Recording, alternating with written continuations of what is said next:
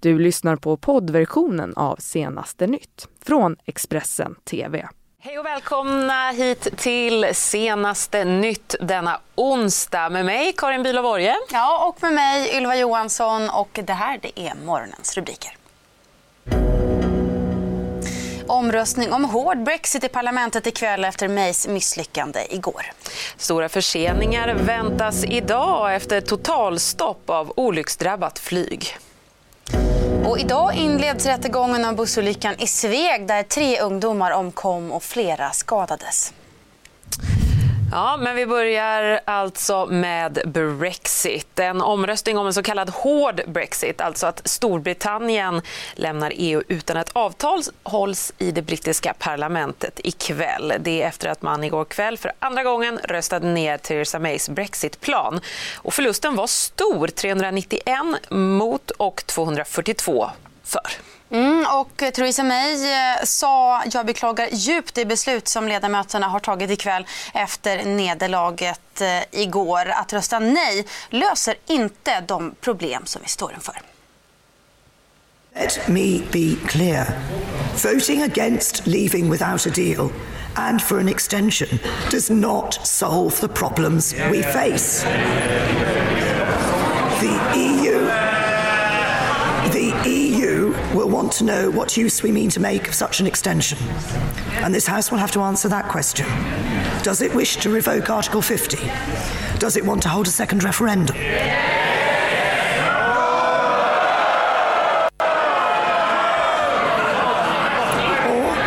Does it want does it want to leave with a deal but not this deal?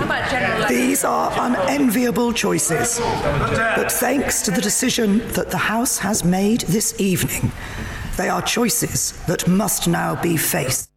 On a point of order, Mr. Speaker, I profoundly regret the decision that this House has taken tonight.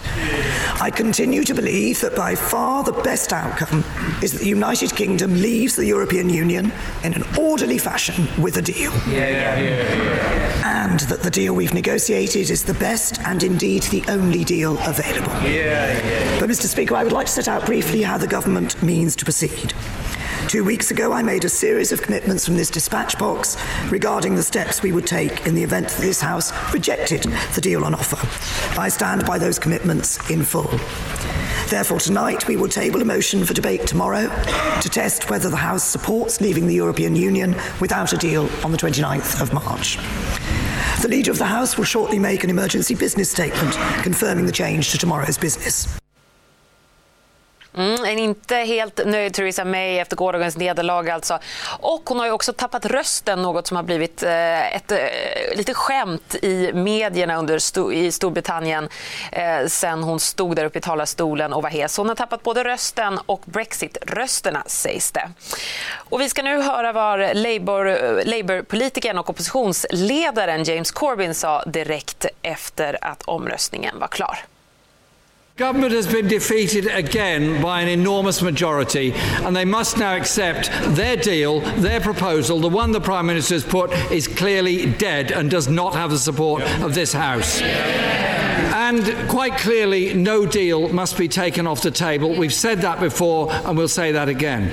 But it does mean the House has got to come together with a proposal that could be negotiated. The Labour Party has put that proposal, and we will put and we will put that proposal again because the dangers, the dangers of what, what the Prime Minister is proposing are basically that we, she carries on threatening us all with the danger of no deal, the danger of that, knowing full well the damage that will do to the British economy. This party will put forward our proposals again, which are about a negotiated customs union, access to the market, and protection of rights. Those are the ones we'll put forward. We believe there may well be there may well be a majority for them, but there will also be the potential of negotiating them. The Prime Minister has run down the clock and the clock has been run out on her. Maybe it's time instead we had a general election and the people could people could choose who their government should be. Ja, så där lät det alltså igår. Ikväll ska det bli en eh, ny omröstning. Vår eh, utrikeskorrespondent eh, Thomas Kvarnkullen som länge varit stationerad i just Storbritannien och London, han sa så här igår om den senaste utvecklingen. Ännu en gång ställdes Theresa May inför en förnedrande förlust i parlamentet när hennes brexitavtal röstades ned med en överväldigande majoritet. Idag ska parlamentet rösta igen den här gången om huruvida man ska utesluta ett utträde utan ett avtal. Och om man röstar emot detta så kallade no deal-scenario kommer ännu en omröstning på torsdag. Då handlar det om att förlänga brexitprocessen vilket sannolikt eh, skulle ske Eh, fram till sommaren. Från EUs håll har man eh, beklagat utgången i parlamentet och säger att det nu måste finnas goda skäl för att förlänga processen.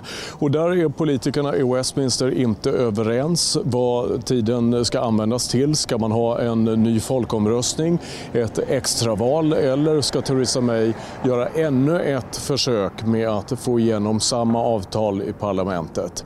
Klart är att eh, Theresa May som trots en rad nederlag under hela den här långa processen kämpat vidare inte tänker kliva åt sidan, det sa en talesperson för 10 Downing Street igår.